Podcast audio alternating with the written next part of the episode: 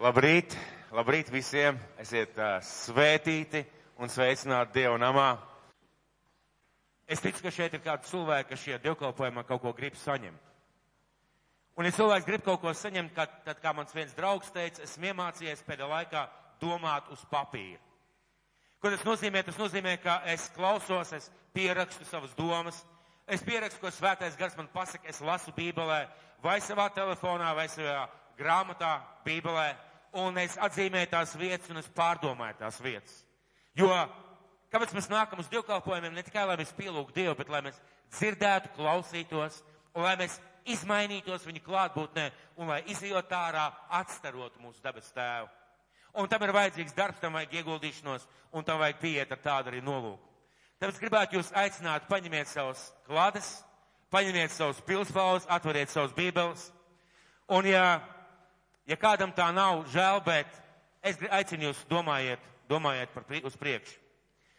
Un kā es pagājušajos dievkalpojumos jau dalījos, un es ceru, es ceru, ka Dieva gars jūs ir aizskārs. Vārds mūsu draudzē šim nākošajam gadam, tieši mūsu draudzē, un arī varbūt tiem cilvēkiem, kuri atnāk uz dievkalpojumiem, lai tas ir arī viņiem, protams, ir dzenieties pa priekšu pēc debesu valstības, viņa taisnības. Tad jums viss pārējās lietas tiks piemestas. Un pirmajā dievkalpojumā mēs runājam par to, ka Dievs saka, apmainiet uzsvars. Parasti cilvēki pasaulē dzenās pēc visa tā, kas ir vajadzīgs. Dievs saka, bet jūs dariet pretēji.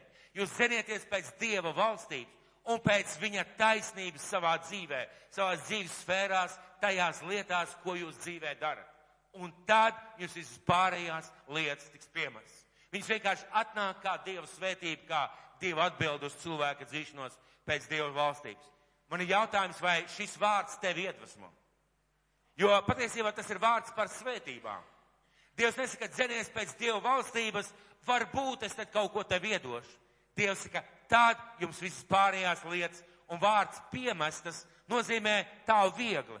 Nevis izpelnījos, nopelnīju, bet tā viegli. Še, tev to vajag ņemt. Un Bībelē saka, jo jūsu debes tēvs jau zina, kā jums vajag. Tas nozīmē, ka viņš skatās pēc kā mēs pirmām kārtām dzenamies. Un ja mēs dzenamies pēc Dieva valstības un viņas taisni, viņa taisnības savā dzīvē, vispārējās lietas tiks piemērs. Mani personīgi šis vārds iedvesmo, jo tas ir svētība vārds. Tas ir apsolījuma un svētības vārds. Un, mīļie draugi, Dievs mūs ļoti mīl. Mīl tādus, kādi mēs esam. Ar visām kļūdām, visiem, visiem nepareizībām vai varbūt kaut kādām neskaidrībām, rakstura īpatnībām Eh, un tāpēc, ka viņš mīl, tāpēc viņš vēlās, lai mēs mainamies. Kāds cilvēks nesen uzdeva jautājumu. Jāni, kāpēc Dievs grib, lai mēs viņu klausām? Nu, kāds Dievam labums no tā, kāpēc viņš nepārtrauc saka, klausiet man? Atbilde ļoti vienkārši. Dievs grib, lai mums veicās. Dievs grib, lai mums veicās. Un viņš pats ir pateicis, kā lai mēs dzīvojam, lai mums veiktos. Un vienīgā lieta, kas mums ir vajadzīga, paklausīt viņa vārdam, un tas ienāk mūsu dzīvē kā regulāra automātiska svētība tam, ka mēs viņam paklausam. Un Dievs mūs mīl. Ir pārsteidzoši, ka reizēm liekas tik spuraini cilvēki, tik dažādi cilvēki, un tomēr Dievs mūs mīl. Un viņš runā uz mums, lai izmainītu mūsu dzīvi. Lai izmainītu mūsu dzīvi, jo izmainīties Dievu priekšā nozīmē ieiet Dieva svētībās, ieiet Dieva gribā, ieiet Dieva nolūkos, Dieva plānā priekš mūsu dzīves. Viņš runā, lai mēs ietu šo svētu tapšanas ceļu. Es zinu, ka šodien nav moderni runāt vecos vārdos. Ko nozīmē vārds svēttapšana? To tas arī nozīmē. Ja tu kādreiz kriti, tu pamazām, pamazām, pamazām sāc nekrist šajās lietās. Pamazām izmainās tavs dzīvesveids, tavu uzskati, tavs raksturs, pamazām izmainās tas, kā tu uzvedies, kā tu runā, kā tu rīkojies, un tu nepaliec vienkārši tāds uh, kļāvāks vai tāds pasīvāks, taisn otrādi. Tava rīcība kļūst asāk, tavas domas kļūst precīzākas, tava, tav, tavi soļi kļūst svētību vairāk nesoši. Tas nozīmē, ka Dievs ved mūs pa šo svētāpšanas ceļu, lai Viņš mūs varētu lietot, un ne tikai lietot, lai mēs paši būtu svētīti. Un Dievs mīl cilvēkus, bet ienīst grēku. Interesanta dilema. Dievs mīl cilvēku, bet ienīst grēku. Un tāpēc viņš liek mums un aicina mūs mainīties. Bet šajā pārmaiņu procesā Dievs mums vienkārši piedāvā. Viņš nekad nespiež, nekad ne, nepieprasa. Viņš piedāvā šīs pārmaiņas. Un bez mūsu piekrišanas, bez mūsu līdzdarbības šīs pārmaiņas nenotiek. Es varu sēdēt šeit divkalpojumā kā celms. Kritizēt mācītāju, kritizēt kā kas izskatās, kritizēt slavēšanu un tā arī neizmainīties. Un to es varu darīt gadiem. Ar pārliecību man ir taisnība. Bet vai es esmu redzējis kādreiz tādu uzrakstu uz mašīnām, padodies Dievam? Ir tāds uzraksts, un uh, arī Bībelē saka, padodieties Dievam, un vēlns beigs no jums. Tas, ko Dievs saka, padodieties man, nevis lai zaudētu, bet taisni otrādi, lai iegūtu. Jo, kad jūs padodaties, jūs zaudējat to, kas jūs velk atpakaļ. Un tāpēc ir ļoti pareizi, ļoti vērtīgi domāt, ka mums jāiet pa šo svētāpšanas ceļu. To sauc par svētāpšanu, un tā sākusies mūsu dzīvē ar mūsu atgriešanās mirkli. Viņa, viņa turpinās visu mūsu mūžu. Labā ziņa ir tāda, ka mēs nekad nebūsim pilnīgi. Vai tas liek man kaut kādā veidā grēkot vai skatīties uz grēku tā maigāk? Es nekad nebūšu vitālī pilnīgs. Tāpēc es tagad varu atļauties runāt, kas man patīk, kā man patīk. Gan jau pienāks diena, kad Dievs mani mainīs. Man tās pārmaiņu mirklis vēl pēc tam ļoti nepatīk. Dievs grib, lai es brīvprātīgi, domājot, saņemot viņa vārda, lai es mainījot, mainītos. Un vārds, ar kuru šodien es dalīšos, sauksies, un tur atstājiet brīvu vietu. Lai pēc tam tur ierakstītu. Ja kāds domā ierakstīt, atstājiet brīvu vietu, lai pēc tam tur ierakstītu. Tad vārds šodien sauksies, un šobrīd atstājiet brīvu vietu. Un es šodien gribētu runāt par kādu ārkārtīgi svarīgu lēmumu. Svarīgs tas ir tāpēc, ka mēs stāvam jaunu gadu priekšā. Un uh, vismaz esmu sapratis, kā kādu lietu tu sāksi, tā bieži vien tu viņu pabeigsi. Mēs esam sākuši jaunu gadu, un es ticu, ka mums ir šo gadu jāpabeidz lieliskā veidā. Mums ir dotas acis redzēt, redzēt, spriest, skatīties. Un mums ir dots prāts un svētais gars, lai mēs spētu, lai mēs spētu izsvērt, ieraudzīt, padomāt un pieņemt kāds lēmums. Un skatoties apkārt un uz sevi bieži rodas jautājums. Es šodien gribētu runāt par kādu ļoti svarīgu lēmumu. Sākšu ar to, ka mums bieži rodas jautājums. Kāpēc viens cilvēks sācis iet šo svētapšanas, jeb kristumu kļu, līdzīgākam kļūšanas ceļu, jeb ticības ceļu, viņš aug un nobriest. Viņš pamazām attīstās, vairāk vai mazāk viņš atnes savā dzīvē augļus. Viņš veidojās, izmainās un virzās uz priekšu. Un tu redzi, ka viņš iet, ka viņš aug, ka kaut kas viņa dzīvē mainās. Viņam ir atklāsmes, viņam ir pārdomas, viņam ir ko dalīties, viņš pamazām aug. Bet otra cilvēka dzīvē, varbūt tajā pašā draudzē, un varbūt pat viņi ir draugi, otra cilvēka dzīve ir kā pa viļņiem. Kā pa viļņiem, un tu redzi, ka kaut kas visu laiku buksē. Viena cilvēka dzīvē ārējie apstākļi ir tie, kas izaicina cilvēku. Norūda, veido, pārbauda, un viņš ir kā tvaika lokomotīve. Ziniet, vecos laikos bija tāds tvaika lokomotīvs, tagad ar, ar, ar elektrību tas viss izskatās ārkārtīgi viegli. Pāris uh, stieņi pie vadiem un lokomotīvīt aiziet, aizvelk vagonus. Tad, kad mēs atceramies, ka kā kādreiz bija šīs tvaika lokomotīvas, tad viņām bija jāpieliek liels spēks, un tur bija tie, ziniet, tādi tā kā stieņi, ja, kas gar sāniem staigāja, un tu varēji redzēt, ka nav viņai nabadzītē tik viegli tai lokomotīvai. Bet viņa pukstēdama, rūgdama, pukstēdama, dūgdama, reizēm taurēdama, viņai sāka vilkt, sāka kustēties, un pēc tam viņa aizvilka, un aiz viņas skaties, viņai ir aiz līkuma tikai, un tikai dūmu mākonis palicis. Un daži cilvēki ir kā šī lokomotīva. Viņi aizvelk, viņi velk, neskatoties uz jebkādiem dzīves apstākļiem vai situācijām. Un šādu cilvēku dzīvi, ziniet, mīļie draugi, ir līdzīgi kā rotaļlieta. Es nezinu, vai latviešu valodā ir tāds vārds, krieviski bija vaņka staņka. Vai kādam tas kaut ko izsaka? Tāda rotaļlieta, kāds tu kā viņu gribi, viņi vienalga ir uz kājām. Esat tādu redzējuši, jā? Ja? Gāz kā grib un reizēm tā kā saka, met kaķi kā grib, viņš vienmēr krīt uz kājām. Tātad cilvēks viens cilvēks aug, attīstās un lai kāda apstākļa viņa dzīvē, viņš vienmēr atgriežas uz savām kājām. Viņš vienmēr nostājas uz savām kājām un tu skaties un tu priecājies un tu nevari beigt priecāties, šie apstākļi cilvēkam palikuši, palīdzējuši palikt stiprākam, gudrākam, zinošākam. Jā, mēs kļūdamies varbūt reizēm atkal, bet vienalga var redzēt, ka tas cilvēks aug. Otra cilvēku dzīves ārējie apstākļi. Kādi ārējie apstākļi, kādi notikumi, izaicinājumi, cilvēki apkārt visu laiku izsit viņam pamatu zem kājām. Visu laiku izsit šo pamatu zem kājām. Visu laiku nogāž, liek krist, pazaudēt mieru, prieku, paļaušanos un spiež rīkoties nepareizi. Es vēlreiz gribētu atkārtot. Ja mēs paskatāmies uz cilvēkiem, mēs varam ieraudzīt šos divu veidu tipa cilvēkus. Man gribētos teikt, ka tikai divu tipu veidu cilvēks, iespējams arī kaut kāds vidusceļš, protams, bet tomēr šos divu veidu tipu cilvēkus. Tad vienu cilvēku ārēji apstākļi veido, norūda, iemāca, palīdz saprast, otrs cilvēks nepārtraukt krīt, nepārtraukt gāžās, nepārtraukt kāds ir vainīgs, nepārtraukt kādu problēmu, nepārtraukt viņš staigā tādā sarūktinājumā, skumjumā, bēdās, dažādās problēmās. Jautājums, kāpēc? Lielais, lielais, lielais jautājums. Kāpēc tā ir? Mēs reizēm sakām, nu, viņam tāds stiprs raksturs. Un tam tāds vājš raksturs.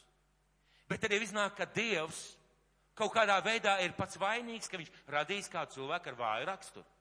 Vai nav viņam devis tādu kārtīgu kampienu? Tad jau Dievs ir vainīgs. Varbūt mēs varētu vainot Dievu. Varbūt tie apstākļi ir vainīgi, bet, kad mēs skatāmies, tad viens cilvēks reizēm iziet cauri lielākām grūtībām nekā tas, kurš nepārtraukti krīt. Tad kur ir tā milzīgā starpība? Kāpēc tā ir? Ka viens krīt un viens tomēr iet uz priekšu. Kāpēc tā veidojās? Un uh, Bībele saka, un arī vārds, kur es teicu, dzenieties pa, pa priekšu pēc Dieva valstības. Jēzus saka, dzenieties pa priekšu pēc Dieva valstības.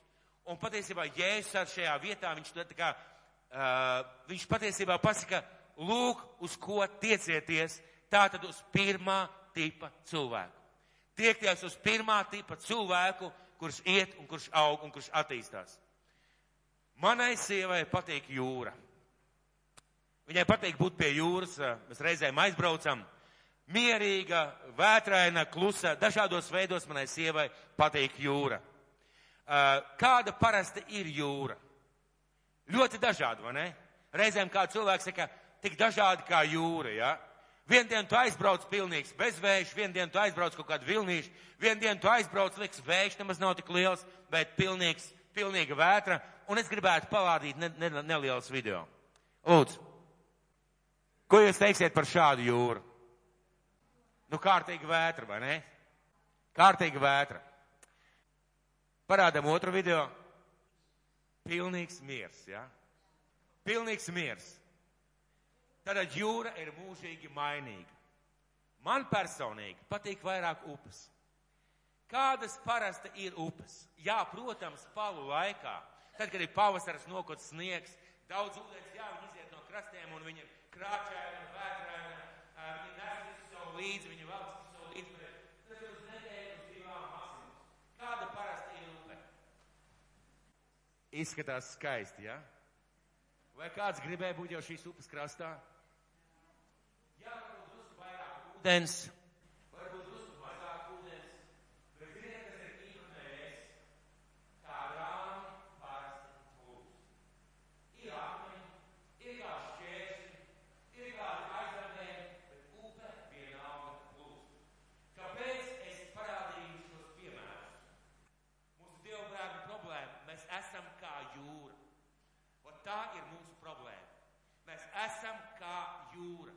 Vienu dienu uz zirga, ar, kar, ar zobenu, ar karogu, viss ir kārtībā, es dodos uz priekšu. Otrā dienā pilnīga vētra, pilnīgs sajukums, pilnīga apstāšanās. Mūsu dievbrāla problēma ir tā, ka mūsu dzīve ir kā jūra. Jūra tad ir viļņi, tad klusā, tad vētra, tad vēl kaut kāds miers. Tad, tad es esmu svēts. Tad vienā mirklī esmu svēts, otrā mirklī esmu grēcinieks. Tad esmu kalnā, tad esmu lejā. Cilvēku priekšā esmu viens, kad nu viens man neredz, es esmu pavisam cits. Vai redz tikai tuvākie cilvēki, es atkal esmu cits. Sabiedrībā viens es esmu dombiedrā, dombiedru grupā esmu kaut cits. Ar savām, es saku kādiem cilvēkiem vienu ar savām lūpām, bet domāju kaut ko citu. Kad cilvēki neredz uh, Es sveicinos, ka, lai Dievs tevi svētī, prieks tevi redzēt, kā cilvēka neredz, tad patiesībā bieži vien sirdī ir nosodījums, dusmas par to cilvēku. Dievkalpojumu pielūgsmes laikā es saku, debes tēvs, es tevi mīlu. Lūkšana istabā es atnāku un pārliecinu Dievu, cenšos pārliecināt debes tēvu. Debes tēvs, tu man esi vajadzīgs. Es tev pielūdzu, es tev slavēju, es tev pagodinu, un lūkšana istabā es mēģinu Dievu pārliecināt. Atnākam uz baznīcu, mēs esam vieni. Izejot ārā, mēs esam citi. Problēma mūsu dzīvē ir tā, ka mēs esam kā šī jūra. Kāpēc tā ir? Kāpēc tā ir? Kāpēc tā ir? Un Jēzus to sauca par liekulību. Ziniet, vai, ka Jēzus to sauca par liekulību? Viņš ļoti daudz runāja ar farizējiem, un viņš teica, jūs dzīvojat dubultu dzīvi. Liekulība ir viena lieta, ja es teicu, jūs dzīvojat dubultu dzīvi. Ja kas ir bijis Izrēlā, tad zinās, ebreji ceļ kapus, ne tā kā mēs, viņi uzbūvēja tādu betona kluci virs kapu. Un ziedu vietā viņi aiznes akmeņus, un jau uz, uz vairāk uz kāda kapa ir akmeņi, jo tas nozīmē, ka biežāk šis cilvēks ir apmeklēts. Un jāsaka, jūs esat kā nobalsināti kapi. No ārpuses jūs izskaties ārkārtīgi skaisti, apmeklēti, nobalsināti, nospodrināti, spoži, bet iekšā jūs esat pilni ar miroņu kauliem iekšā ir visādu nešķīstību, visādām nepareizām lietām. Tāda dubulta dzīve. Cilvēku priekšā jūs esat vieni, bet savā būtībā, kad neviens jūs neredz, jūs esat citādāk. Un ja es mācīju kādu lietu, kas man vienmēr ir aizskārus un vienmēr liksies ārkārtīgi aktuāli, ir sevišķi kā mācītājiem, kā cilvēkam, kurš atbild par draudzi, par dažādām kalpošanām, un es domāju, ka daudziem tā ir. Viņš teica, visu, ko jūs dariet, dariet kā tam kungam. Ko tas nozīmē? Visu, ko jūs dariet, dariet kā tam kungam. Bet, mīļais kungs, tu redzi, cilvēki jau neredz šobrīd, bet viņš saka, dariet visu kā tam kungam. Uh, vēl viņš teica kādu interesantu lietu, ko jūs sakat, kungs, kungs, bet nedarāt, ko es jums saku. Ko jūs sakāt, kungs, kungs, bet nedarāt, ko es jums saku. Viņš runāja par lūkšanu, viņš teica tā, kad jūs lūdzat, neesiet kā farizēji, kā liekuļi, jo viņi cilvēku priekšā grib rādīties un cilvēku priekšā skaita garas lūkšanas, pie kā viņi nostājās uz ielas stūriem, krustojumos, lai visi viņus varētu redzēt. Un viņiem par nožēlu, viņiem par nožēlu, tas, ko man Dievs ar šo vietu iemācīja, viņiem jau ir sava alga. Lūk, cilvēku atzinība, viņiem ir tā alga, ko viņi saņēma. Bet cik tā ir smieklīga un niecīga alga saņemt no cilvēkiem atzinību par to, ko tu dari, un nesaņemt atzinību no debes tēva. Un viņš saka, bet kad jūs lūdzat, neesiet kā liekuļi. Nu, neesiet šīs dubultās dzīves dzīvotāji, kad jūs lūdzat, ejiet savā lūkšana kambarī un sakiet savam tēvam, kas jums ir vajadzīgs, kas jums ir sirds, un jūsu tēvs, kas redz slepenībā, to jums atmaksās. Vienā gadījumā cilvēki atmaksā, otrā gadījumā debes tēvs atmaksā kad viņš runāja par gavēnu, viņš teica, kad jūs gavējat, neesiet kā liekuļi. Jo šie cilvēki, šie liekuļi bija, šie dubultās dzīves dzīvotāji, viņi iztaisa svarīgas sejas, gavē, laikam nedzena bārdu, staigā noskranduši, noplīsuši vai netīri un, nes, un smirdīgi varētu teikt, lai cilvēki redzētu, es esmu gavētājs. Un iesaka, viņiem jau ir sava alga. Cilvēki viņu paslavēja, viņiem jau ir sava alga. Bet kā tu gavē, svaidi savu vaigu mazgā sevi, man nomazgā sevi, staigā ar smaidīgu seju, lai tu nerādītos cilvēkiem kā gavētājs, bet savam tēvam, savam tēvam, lai viņš varētu redzēt, ka tu esi gavētājs. Kā mums pietrūkst, ja mūsu dzīve ir kā jūra? Kā mums pietrūkst, ja mūsu dzīve ir šāda dubulta dzīve? Kā mums pietrūkst, ja mūsu dzīvē, ja mēs atnākam uz divkalpojumu un mēs nemīlam brāli, kas sēž šajā pašā zālē? Kā pietrūkst mūsu dzīvē? Pilnīgi viennozīmīgi pietrūkst Dieva. Bet vēl kaut kā pietrūkst. Vēl kaut kā pietrūkst. Kā mums pietrūkst? Padomāsim, vai Dievs mūs redz 24 stundas diennaktī. Vai Dievs mūs redz 24 stundas diennaktī? Āmen, pareizi? Nu, laikam nevaram mēs nekur no Dieva aiziet, noslēpties pareizi. Mēs nevaram. Dievs mūs redz 24 stundas diennaktī. Tā, tad kāpēc mēs neesam viengabalaini? Tad kāpēc ir tā, ka dievkalpojumi esam vieni un izjūt ārā citi? Tad kāpēc es saku, brāl, lai Dievs tevi svētī, un nepaiet 5 minūtes, es jau aprunāju brāli? Kāpēc tā ir? Ja Dievs mūs redz 24 stundas diennaktī, tas nozīmē, ka gan viena, gan otru lietu Dievs redz. Dievs redz un viņš skatās, ko mēs darām. Kādi mēs esam dievkalpojumos, tādiem mums vajadzētu būt arī mājās. Kādi mēs esam uh, ar saviem vārdiem, tādiem mums vajadzētu būt arī savām, savām domām. Kā mēs, ko mēs sakam cilvēkiem acīs, to mums vajadzētu teikt arī viņiem aiz muguras. Un ja es saku, neesiet šīs dubultās dzīves dzīvotāji, vai Dievs mums neredz 24 stundas redz? Un svētais gars runā, lai mēs nedzīvotu kā akcionāri. Kāds vēl, kāds vēl teiks, nu jā, ne, es gan gribētu dzīvot kā akcionārs. Piemēram, Latvijas gāzes akcionārs. Kāds gribētu būt Latvijas gāzes akcionārs? Nu, vismaz Rīgas ūdens, jā, vai, vai Latvijas eh, gāze, vai Latvijas siltums, jā. Nebūtu slikti, pareizi. Viens brālis māja ar galvu. Ziniet, par ko šeit es runāju? Nerunāju par akciju turētājiem. Es runāju par tiem, kas dzīvo akciju dzīvi. Lūk, kristieši bieži vien ir akcionāri, viņi dzīvo akciju dzīvi. Man šodien ir akcija. Es eju uz dievkalpojumu, es uzlieku savu skaisto smaidu, izdomāju, ko es teikšu cilvēkiem, lai dabas tēvs tevi svētī, tu labi izskaties, viss ir kārtībā, pieeja pie mācītāja, sasveicinos, sveicināts mācītāji, domas ir citas, un pēc tam es domāju, ko es darīšu mājās, izjot ārā no divkalpojuma, akcija ir beigusies. Tad kāpēc vēl censties? Tad kāpēc censties dzīvot pēc Dieva gribas un prāta? Akcija ir beigusies. Tad ir akcija, man no rīta jālūdz Dievs. Tā ir akcija. Debes tēvs, es nāku pie tevis. Tu man esi vajadzīgs. Un es pusotru vai stundu mēģinu pārliecināt debes tēvu, ka viņš man ir vajadzīgs. Es atnāku uz baznīcu, es saku, mīļais brāl, mīļais māsa, lai Dievs tevi svētī. Bet patiesībā man ir vienalga, vai es esmu baznīcā. Nē, man baznīca ir vajadzīga. Jo ir forši atnākt uz baznīcu. Un Dievs saka, nāciet uz baznīcu. Un tad ir akcija nākam uz baznīcu. Akcija nākam uz baznīcu. Un mēs dzīvojam kā akcionāri.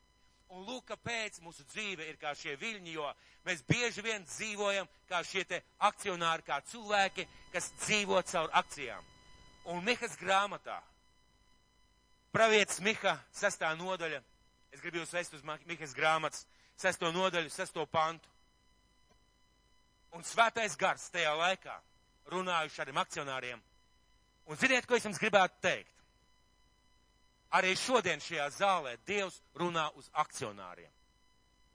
Kāds teiks, Jāni, atkal bija skarbs dievkalpojums. Nē, tas ir aiz mīlestības. Un svētais gars runā vispār uz mums vienīgi aiz mīlestības. Šajā zālē ir akcionāri. Mēs visi reizēm esam akcionāri. Mēs visi reizēm esam akcionāri. Lūk, Mihas grāmatas sestā nodaļa, sestais pants. Atšķiriet lūdzu savus bībeles. Vai telefonos, vai lasīsim kopā. Un sestajā nodaļā iet runa par ebreju tautu, kuri dzīvoja kā akciju cilvēki. Un lūk, šī ebreja tauta uzdod tādu, tādus jautājumus, ja Dievs viņam saka, nu tā jūs man tuvojaties un tādi jautājumi ir jūsu prātā, jūsu sirdī un patiesībā tā jūs rīkoties. Rīkojieties. Sestā nodaļa, sestais pants. Kādā kārtā, lai es tuvojos tam kungam?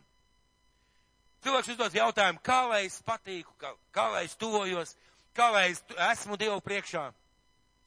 Kādā kārtā, lai es tuvojos Dievam?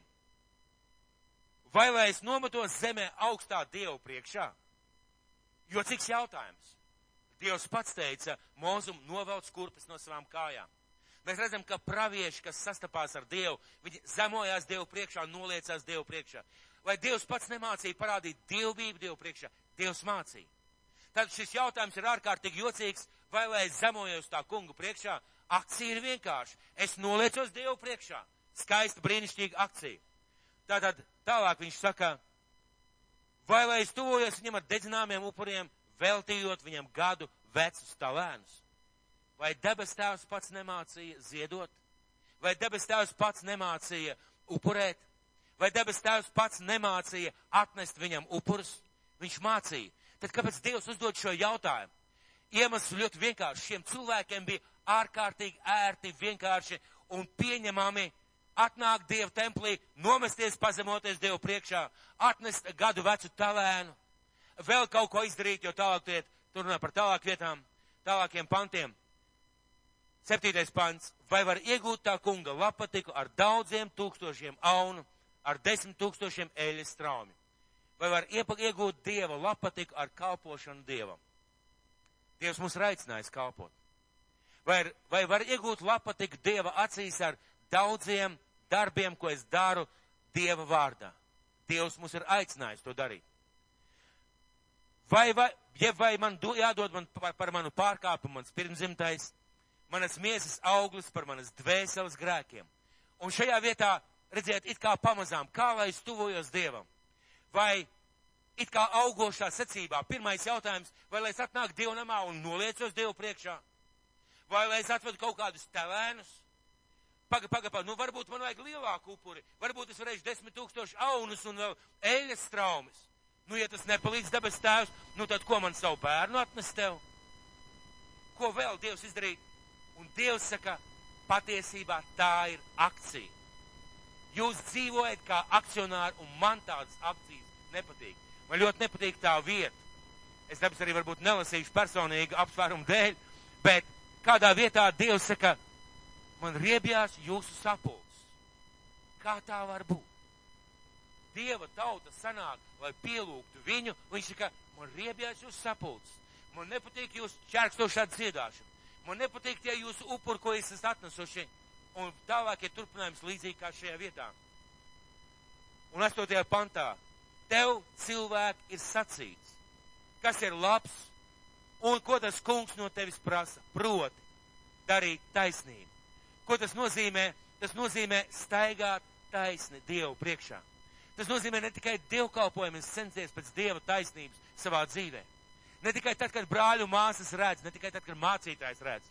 Ne tikai tad, kad tu lūdz Dievu, bet censties pēc ta Dieva taisnības savā dzīvē visās lietās, ko tu dari. Īstenot dzīvē mīlestību. Tas nozīmē, lai darīt tā, lai manā dzīvē parādās mīlestības darbi. Lai manā dzīvē parādās tas, ko es daru aiz mīlestības. Tas, ko es daru tāpēc, ka es mīlu cilvēks un mīlu Dievu. Tātad, lai augšie mīlestības augļi. Un pēdējā lieta - un pazemīgi staigāt sava dieva priekšā.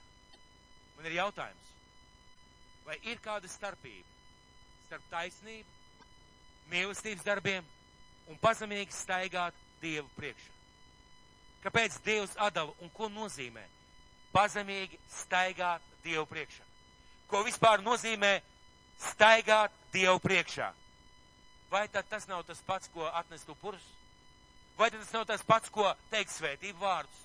Vai tas nav tas pats, kas noliekties Dievu priekšā? Vai tas nav tas pats? Vai tas nav tas pats? Un kāpēc Dievs tā saka, man nepatīk tas, ko jūs, man nevajag to. Man nevajag to, ka jūs gribat man pienest, lūk, ko es gaidu. Es gaidu taisnību jūsu dzīvē, tāpēc, ka jūs ticat man. Es gaidu mīlestības darbus, tāpēc, ka es pats jūs mīlu un es aicinu jūs darīt mīlestības darbus un es gribu, lai jūs staigājat manā priekšā. Ko nozīmē staigāt manā priekšā? Un vārds, ar kuru šodien dalos, nozīmē māksla staigāt Dieva priekšā. Māksla staigāt Dievu priekšā. Ko nozīmē staigāt Dievu priekšā? Tas nozīmē savā dzīvē pieņemt lēmumu, rīkoties, kā Jēzus vēlās. Tas nenozīmē vienā reizē Tas nozīmē, ka pieņemt lēmumu es savā dzīvē centīšos rīkoties, kā Jēzus vēlās. Es centīšos runāt, kā Jēzus vēlās, kā Jēzum ir patīkam. Es centīšos spriest tā, kā patīk svētajam garam. Es ziedošu tā, kā ziedo Jēzus. Es kalpošu ar tādu atdevi un ar tādu attieksmi, kā Jēzus kalpoja. Un arī tad, kad neviens neredz. Lūk, tā lielā starpība. Arī tad, kad neviens neredz. Kad nav prožektoru, kad nav brāļa blakus, kad nav mācītāju uz kancels, kad neviens neredz. Es centīšos realizēt savu taisnību un mīlestību savā dzīvē. Es staigāšu Dieva priekšā. Un atkal jautājums. Vai cilvēks nav jau tāpat 24 stundas Dievu priekšā? Viņš ir. Bet acīm redzot, ir starpība, vai es staigāju Dievu priekšā, vai vienkārši Dievs mani redz. Un redziet, tad, kad es atnāku uz divkalpojumu, uz baznīcu, kad es dodu ziedojumus, kad es kaut kādā veidā kaut ko daru, kad es runāju cilvēkiem, es daru saku svētības vārdus un, un spiežu roku, bieži vien tā ir akcija, nevis auglis manai staigāšanai ar debes tēvu. Nevis auglis tam, ka es staigāju Dievu priekšā, bet tā ir akcija, ko es izvēlos darīt uz to mirkli. Un Dievs saka, nedariet tā. Lūk, kas tev ir sacīts, un staigāt tā kunga priekšā. Arī tad, kad tevi neviens neredz. Kad nav atzinības par to, kad nav soda par to, reizēm uz Dievu bērnus ļoti iespaidot disciplinēs sots. Cik daudz cilvēku jūs esat redzējuši šoferi, ja? sevišķi populārs temats šoferiem, kas nepārsniedz ātrumu, tāpēc, ka Dievam tas nepatīk. Parasti priekšā ir radars, tur var būt policists, var būt nepatikšanas. Ļoti maz cilvēks esmu dzirdējis, tiešām dzirdējis, drusku nērti un kauns. Es nebraukšu ātrāk tāpēc, ka Jēzum tas nepatīk, ka Dievam tas nepatīk.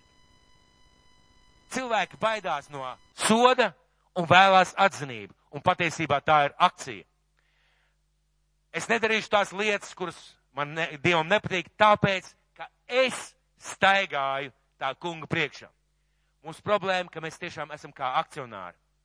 Bet jābūt pirmām kārtām šim lēmumam. Mīļie draugi, ir jābūt šim lēmumam. Kad paiet kaut kāds laiks, kad tu tici Dievam, ir jāpienāk lēmumu mirklim. Es staigāšu Dievu priekšā.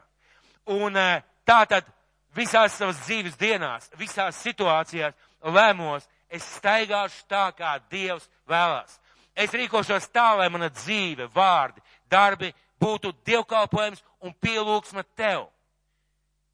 Dzīve ir dievkalpojums, mīļie draugi. Mūsu dzīvē vajadzētu būt dievkalpojumam, mūsu vārdiem vajadzētu būt dievkalpojumam, mūsu rīcībai vajadzētu būt dievkalpojumam. Un Dievs saka, nevajag man jūsu akcijas. Nu, kāpēc jums vajadzīgs šīs akcijas? Kā lai es tuvojies tam kungam? Lūk, kā tuvojies. Tu nevari to darīt, ja tu netici, bet ja tu tici, lūk, kā tuvojies. Dzenies pēc taisnības, dari mīlestības darbus un staigā savu tēvu priekšā. Un pretējais tam, kā staigāt ir, ir Dievu priekšā, pretējais tam ir staigāt cilvēku priekšā. Tas nozīmē regulāri izlikties. Regulāri izlikties, izdabāt cilvēkiem, rīkoties kā man labāk, kā man ērtāk, kā ir korekti, kā ir politi korekti, iet uz kompromisiem, un tā ir viena milzīga nelaime. Ziniet, kāpēc daudzi cilvēki īsti negrib ticēt Dievam? Viņi ir vīlušies kristiešos, bet kur viņi vīlās? Šo cilvēku pielūgsmē, kad viņi slavēja Dievu? Cik daudz jūs esat dzirdējuši un redzējuši cilvēku, kur teikt, kur teiktu, es aizgāju uz baznīcu, apskatījos, kā viņi pielūdz Dievu. Nē, nē, nē, nē, nē. Tas, kā viņš pielūdz Dievu, tas man īsti nepatīk, tāpēc es neticu Dievam. Cik daudz cilvēku esmu redzējuši, ka viņi saka, es neticēšu Dievam tāpēc, ka viņš mājās lūdz Dievu un lasa Bībeli. Es nevaru ticēt Dievam. Kāpēc cilvēki vīlušies Dievā caur kristiešiem? Viņi ieraudzīja reālo dzīvi. Viņi ieraudzīja, kā cilvēki dzīvo, un tāpēc vīlās. Tāpēc viņi pateica, man nav vajadzīgs Dievs, jo visi kristieši tādi man nevajag. Un tā ir realitāte. Tā ir realitāte. Tas nozīmē, ka ja es staigāju cilvēku priekšā, tad sevis apstākļu, dažādu lietu priekšā, es eju uz kompromisiem, un īstenībā tas mani iznīcina. Tas mani kā personību iznīcina un pazemo. Tas man liek justies nedroši, es nevaru liecināt, es nevaru apliecināt Jēzu, es nevaru ar drošību teikt, Jēzus ir mans kungs, seko man. Pāvils varēja atļauties teikt, seko man, kāpēc? Viņš dzīvoja ne no akcijām. Viņš teica, es dzenos, lai ievi piedzīvot Kristu. Es dzenos pēc vairāk, man vajag. Un tad viņš saka, un visi, kas esat pilnīgi, domājiet tā. Viņš nesaka, jūs varat tā nedomāt, es tāds vienīgais īpatnējais. Viņš saka, visi, kas esat pilnīgi, domājiet tādā veidā. Staigāt brīvu priekšā tā ir māksla, kas ir jāiemācās. Un eh, šī māksla neatnāk vienā dienā un neatnāk vienā stundā. Bet, mīļie draugi, vispirms ir jābūt lēmumam. es staigāšu tavā priekšā, ne tikai tad, kad mani redz. Un, protams, kad mani redz, un tu mani redz 24 stundas diennaktī, es staigāšu, kungs, tavā priekšā, tad, kad mani neviens neredz. Manas izvēles būs tavas izvēles. Tavas domas būs manas domas. Tavs veids, kā tu darbojies un rīkojies, būs mans veids. Tavs kalpošanas veids būs mans veids. Tavas domas būs manas domas. Un tas neatnāk vienā dienā, vienā sekundē, vienā mirklī. Tas ir veids, kādā veidā mums jāsāk būt dzīvot. Vai jums ir gadījies redzēt kādreiz šokējošu ziedojumu? Kāds iedomājās tūkstots eiro konvertā, jā? Ja? Diezgan šokējoši, vai ne? Esmu redzējis šokējošu ziedojumu. Ziniet kādu? Ziedojuma traukā iemestas pogas. Kāpēc cilvēks to izdarīja? Nu kā? Kāpēc cilvēks to izdarīja? Nu, lai cilvēku redzētu, ka es ziedoju. Un vai viņš nesaprata, ka Dievs visu to redz? Ja viņam nebija ko ziedot, vai viņš varēja vienkārši neziedot? Protams. Protams, ka varēja neziedot. Pogas iemest taču ir vienkāršāk, pareizi. Es nezinu, ko tas cilvēks domāja, izējot ārā. Es nezinu, par kādām svētībām viņš varēja sapņot un sapņoja. Es tiešām nezinu. Bet tas bija šokējošs ziedojums. Šokējošs ziedojums. Tā nevajag darīt. Tā nevajag darīt. Un uh, es patiesībā neatbalstu tādu veidu, ko es tikko minēšu. Es neatbalstu tādu veidu. Bet esmu dzirdējis par kādu, par kādu mācītāju, kurš daudz bija runājis par dažādām lietām, un viņš vienkārši redzēja, ka cilvēki, cilvēki vienkārši nedzird, neklausās, viņiem ir alga, viņi meklē tikai savu. Un šajā gadījumā atkal es runu par ziedojumiem. Vai šeit kādam ir problēma ar ziedojumiem? Ir kāds cilvēks, neceliet roku. Uh, bet tas nav tāpēc, lai kādam likties justies nērti. Bet mēs visi zinām, ka par zālēm ir jāmaksā par telpām, un šis mācītājs īrēja zāli, īrēja instrumentus, viņš maksāja par siltumu, par elektrību, un nāca cilvēku teica, mācītāji, tu esi tāds svētīgs brālis, paldies Dievam par tavu kalpošanu. Bet bija kāds iemesls, kāpēc viņš vienreiz nolēma pēc ziedojuma savākšanas, es to visu priekšā izbēršu uz galdu. Nu, lai mēs redzam, kā mēs ziedojam. Un ziniet, kas notika? Viņš paņēma ziedojumu trauku, izbēra uz galdu. Un no 40 cilvēkiem pāris piecīši pārējās melnās kapeikas. Un ziniet, kas bija vistrakākais? Vistrakākais bija tas, ka zāle noelsās. Kā mācītājs tā varēja izdarīt? Nevis noelsās par to, kāpēc mēs metam melnās kapeikas, viens santīmniekus, bet kā mācītājs tā varēja izdarīt? Kā viņam nebija nērti, kā viņam nebija kauna. Viņš mūs pazemoja. Bet runa šeit neiet par to, ka tā vajadzētu darīt. Runa ir par to, kā priekšā tu ziedo, kā priekšā tu staigā, kā priekšā tu runā, kā priekšā. Tas ir lielais un svarīgais jautājums. Un tas neatnāk vienā dienā. Es domāju par Jāzepu. Vai jūs atceraties mūsu mīļoto brāli Jāzepu?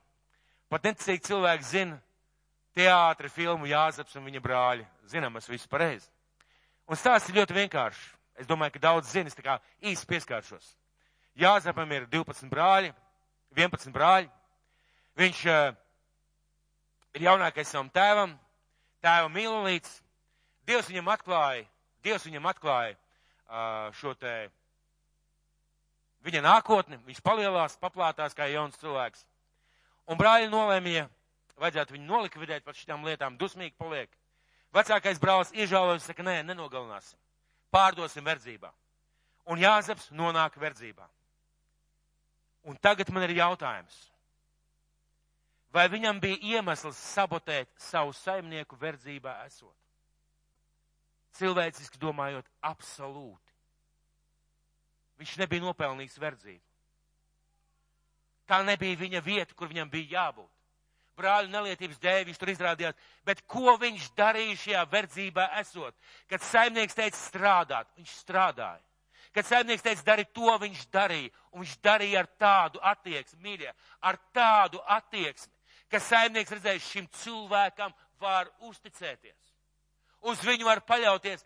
Ziniet, kāpēc? Viņš bija pieņēmis lēmumu, es nestāvu cilvēku priekšā. Es stāvu Dievu priekšā, un mani lēmumi, mana rīcība būs balstīta uz to, ka Dievs redz, un es gribu viņam izpatikt. Kad Potifāra sieva viņu apmalo un grib ar viņu pārgulēt, viņš aizbēg no viņas, atstāja drēbes. Cik iemeslu viņam bija piekāpties šai sievietei? Daudz. Viņš varēja būt pārliecināts, ka neviens pat varbūt par to neuzzinās. Bet viņš izvēlējās labāk atstumt savu saimnieci, riskējot ar savu dzīvību un vispārējo, jo viņš staigāja Dieva priekšā. Viņš nemeta kapeikas ziedojuma traukā. Viņš neteica liekulīgus vārdus, viņš staigāja Dieva priekšā. Un viņš pateica, nē, es to nedarīšu un aizbēga. Un viņš nonāk cietumā. Un cietumā esot, viņš atkal parāda uzcītību. Cik daudz no mums pēc šīs verdzības un vilšanās par dievbijību. Cik daudz no mums pateikt, nu ja tā dievs, nu tad šeit tev, nu tad es cietumā darīšu, ko es gribu. Viņa lēmums ir pretējais, jo ārējie apstākļi viņu nepadarīja par jūru. Tas, kas notika viņa dzīvē, nepadarīja viņa ticību par lupatu. Viņš pieņēma lēmumu, viņš jau bija pieņēmis lēmumu. Es staigāju savu Dievu priekšā. Un lūk, viņš ir šajā cietumā, viņš parāda uzcītību un viņš dara visu labāko, ko viņš var izdarīt. Un tālāk Dievs viņu aizved uz ķēniņa namu. Cik daudz no mums, cik daudz no mums izvēlētos atmaksāt brāļiem. Par visiem tiem, ja nemaldos, 13 gadiem Ja nemaldos, 13 gadi pagāja, varbūt pat vairākas, pat nepateikšu īsti. Cik daudz no mums izvēlētos atmaksāt saviem brāļiem par to, ko viņš bija piedzīvojis. Un Dievs pieļauj šo situāciju, brāļi atnāk un brāļi viņu pat nepazīst. Un viņam ir tik izcila iespēja atmaksāt, neviens to neuzzināt. Bet viņš ir pieņēmis lēmumu. Es stāvu sava Dieva priekšā. Un atriebības vietā viņš svētīs savus brāļus, viņš svētīs savu tautu. Un viņš iziet cauri visam šim stāstam kā uzvarētājs. Iemesls, kāpēc? Vai apstākļi viņu spieda pakļauties? Jā, spieda. Vai cilvēki viņam spieda pakļauties, vai bailes par savu dzīvību, par savām lietām, par savu vērtību, par saviem līdzekļiem, spieda viņam darīt nepareizas lietas. Jā, spieda. Bet viņa dzīvē bija lēmums. Es, es Nevis viņš, nevis viņš, nevis viņš, lai staigā Dievu priekšā. Es staigāšu sava Dieva priekšā. Tas ir lēmums, kas ir manī. Tas ir lēmums, ko man neviens nevar atņemt. Tas ir lēmums, kā es gribu dzīvot, kā es gribu nodzīvot savu dzīvi. Un lai ārējie apstākļi saka, diktē kaut ko citu, es pieņemu lēmumu staigāt savu Dievu priekšā. Vai tas nozīmē, ka mēs neklupsim? Mēs klupsim. Bet mēs zināsim, kā atgriezties un mēs zināsim, kur atgriezties. Un gribu vest uz kādu vēl vietu. Pirmā mūzes grāmata, 17. nodaļa, pirmais pants. Pirmā mūzes grāmata, 17. nodaļa, pirmais pants. Un runa par, par mūsu ticības tēvu Ābrahamu. Pirmā nodaļa, 17. pants. Pirmā mūzes grāmata. Un Ābrahamam bija 99 gadi. Kad tas kungs atklājās Ābrahamam un teica viņam, es esmu tavs visvarenais dievs. Staigā sava dievu priekšā, tad tu būsi taisns. Vai tad Ābrahams nebija visus šos gadus dievu priekšā? Vai tad tajā mirklī viņš nebija dievu priekšā? Vai tad Dievs viņu neredzēja visus šos saurus gadus? Kāpēc Dievs saka, staigā sava dieva priekšā? es vēl saprastu, ja Dievs teiktu, tu esi staigājis manā priekšā, bet Dievs saka, staigā manā priekšā. Un ir milzīga starpība, milzīga starpība dzīvot kā akcionāram un staigāt Dievu priekšā. Tad tu būsi taisns. Es celšu derības starp sevi un tevi, un es tev vairodams vairošu. Tad Ābrams nometās uz savu vaiga, un Dievs sacīja viņam, mana derība ir ar tevi šī, tu būsi par tēvu daudzām tautām. Redziet, Dievs saka, staigā manā priekšā. Un, ja, un Ābrahams nometās Dievu priekšā uz savu vaigu. Tā ir reakcija uz to, ka viņš staigā savu tā, Dievu priekšā. Un mēs zinām, ka Ābrahams turpināja staigāt savu Dievu priekšā, un Dievs viņu svētīja, un šodien mēs esam. Bet pienāk, paiet īsts mirklis. Nedaudz laiks paiet. Un Dievs saka, viņš nesaka, un tagad es tevi pārbaudīšu. Viņš saka, upurē man savu dēlu. Upurē man savu dēlu, aizved uz to kalnu un upurē. Un es ticu, ka Dievs speciāli iedeva laiku. Es tā saprotu, ka trīs dienas jāiet līdz šim kalnam, pēc tam vēl jākāp šajā Morijā kalnā. Trīs dienas. Kā jūs domājat, par ko Ābrahams domāja, iedam šīs trīs dienas kopā ar savu dēlu? Ebreju rabīniem esot uzdevuši jautājumu. Kāpēc Ābrams ir ticības tēvs? Kāpēc ir tā, ka Dievs viņu tik ļoti lietoja, tik ļoti vērtēja un ka viņš tik skaukts par Dieva draugu? Kāpēc? Un ab, uh, rabīni ir izdarījuši tādu secinājumu. Ābrams, jeb Ābrahams, nešaubīgi ticēja, ka Dievs ir labs. Nešaubīgi ticēja, ka Dievs ir labs. Un viss, kas nāk no Dieva, ir labs. Un tieši tāpēc viņš spēja to darīt, ka viņš staigāja Dievu priekšā, un viņš ticēja, ka Dievs ir labs. Un ir starpība, kā priekšā es staigāju. Vai es staigāju apstākļu priekšā? Vai es staigāju savā priekšā? Man vajag atzinību citiem priekš sevis. Vai es staigāju cilvēku priekšā, jeb es staigāju Dieva priekšā? Un ja es aicinu mums pieņemt šo lēmumu, un šim lēmumam cilvēku dzīvē ir jābūt. Ir jābūt šim lēmumam, es staigāšu Dievu priekšā, un ir jāmācās, kur kādreiz tu kriti, ir jāmācās nostāvēt. Un tagad tu jau vari pastāvēt. Un svētais gars aizstāvs, mūsu palīgs, mūsu iedrošinātājs. Viņš ir tas, kas mums palīdzēs. Dievs mūs nekad neatstāja vienus pašus.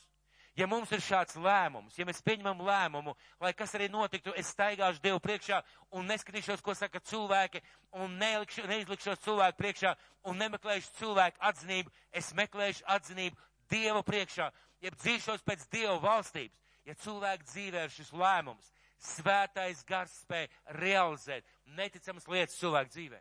Un mums ir dots šis apsolījums, staigājiet manā priekšā, tād es tevi svētīšu, tad es tev došu. Un eh, patiesībā tas ir svētību ceļš. Patiesībā tas ir svētību ceļš. Un svētais gars mūsu iedrošinātājs, mūsu palīgs, viņš mums palīdzēs. Mēs bieži vien, mēs bieži vien runājam par to, ka mums ir jādara, mums ir jācīnās, mums ir jāuzvar. Āmen. Bet ir viena lieta, ko mums visiem būtu jāsaprot. Svētais gars ir ar mums. Viņš ir mūsu stiprums. Viņš ir mūsu palīgs. Viņš ir mūsu mierinātājs, mūsu aizstāvs, mūsu svētību devējs. Un ja mums ir šis lēmums, es staigāšu Dieva priekšā, svētais gars spēj mūs izvest visām lietām cauri. Un es gribētu vēlreiz palūgt parādīt mums šo upi. Un es gribētu tev aicināt, ir sācies jauns gads, pieņem lēmumu. Ja pagājušajā gadā bijuši kaut kādas kļūdas, nepareizas lietas, nepareizu rīcību, nepareizi vārdi, nepareizi skatījums uz lietām, es tev gribētu aicināt kļūsti par upi. Kļūsti par upi. Akmeņi neaiztur ūdeni. Ūdens apiet akmeņiem apkārt vai pārplūst pāri un iet tālāk. Mūsu dzīvē vajadzētu būt kā šai upē, kas tek uz jūru. Mēs neesam aicināti būt par jūru, ka mūsu dzīve ir kā jūra, viļņi, vētras, miers, klusums, vispārējais un atkal vētras. Mūsu dzīvē būs vētras, bet mēs esam aicināti būt kā šī upe, kas plūst, kas rēme un mierīgi, bet tomēr plūst uz jūru. Un ja Dievs mūs uz to aicina, sakiet man lūdzu, vai ir kaut kas tāds, uz ko Jēzus aicināja, ko mēs nevarētu izdarīt? brālis ticībā māja ir galva. Es visu spēju tā spēkā, kas man stipri dara. Bet padomāsim loģiski. Vai ir kaut kas tāds, ko Jēzus būtu aicinājis, ko mēs nevarētu izdarīt? Ja Jēzus aicināja, tas nozīmē, ka mēs varam. Pareizi? Vai tas nozīmē, ka mēs varam? Vai mēs visi varam pateikt āmen? Mēs varam staigāt Dievu priekšā. Mēs varam nākt uz dievkalpojumiem. Mums vajag pielūgt debes tēvu šeit mums vajag dziedāt, mums vajag slavēt. Un, protams, būs kādas akcijas mūsu dzīvē, kur mēs īpaši veltīsimies Dievam vai īpašā veidā lūksim. Un paldies Dievam par šo laiku. Bet mēs nevaram būt kā akcionāri mūsu dzīvē, ir jābūt kā upē. Un mēs to varam. Mums ir jākļūst par upi. Pasaki savam kaimiņam, es tagad lietošu tādu ļoti izplatītu pasākumu. Pagriezies pret savu kaimiņu un pasaki, kļūsti par upi. Kļūsim par upēm, mīļie draugi. Un ziniet, kas ir īpaši ar upēm? Upēm ir ļoti daudz spēka. Kādreiz vasaras beigās mazās upes ir aizsprostots, ik pēc simts metriem ir aizsprosts, nu kārtīgs dāmbis. Un nākušajā vasarā tu ej, nesmakas no dāmbja nav. Viss ir aizskalots projām. Ūdens ir aiznesis. Ja mūsu dzīve būs kā upe, mēs staigāsim Dievu priekšā, un mūsu dzīve būs pilna ar svētībām. Un tas ir ceļš uz svētībām. Vispirms šajā gadā, un pēc tam visā dzīvē. Mums cilvēkiem reizēm ir ļoti grūti pieņemt tādus tālajošus lēmumus. Iedomāsimies, kā cilvēks saka, es pieņemu lēmumu, es visu būšu, būšu svēts. Kāds teiks, nu brāl, lai tev izdodas. nu, lai tev izdodas. Bet mēs varam pieņemt lēmumu šodien. Šodien es staigāšu Dievu priekšā. Un šodien nostaigāt Dievu priekšā mēs varam. Šo mēnesi es nostaigāšu Dievu priekšā. Ot tā pa īstam un no sirds. Un mēs nostaigāsim Dievu priekšā. Un ziniet, kas notiks? Es to saucu par tādu garīgo labsajūtu. Par tādu garīgo, dziļu, patiesu labsajūtu būt kopā ar Dievu. Kad tev bijis kāds izaicinājums, kaut kāda problēma vai kaut kāda lieta, tu esi to atrisinājis dievbijīgā veidā. Un tu jūties gandarīts par savu dzīvi. Tu jūties gandarīts par savu kungu, tu priecājies un tu vari meklēt prieku savā dievā. Tāpēc, mīļie draugi, lai šajā gadā mūsu dzīve ir kā upe, pieņemam lēmumu staigāt rītdienu, šodienu, parītdienu, nedēļu, mēnesi šo gadu kā Dievu priekšā, un lai tā paiet visu mūsu dzīvi. Un visi draudzi teica, visi draudzi teica, tā nebūs. Tā neteica. Visa draudz teica, āmen. Paldies!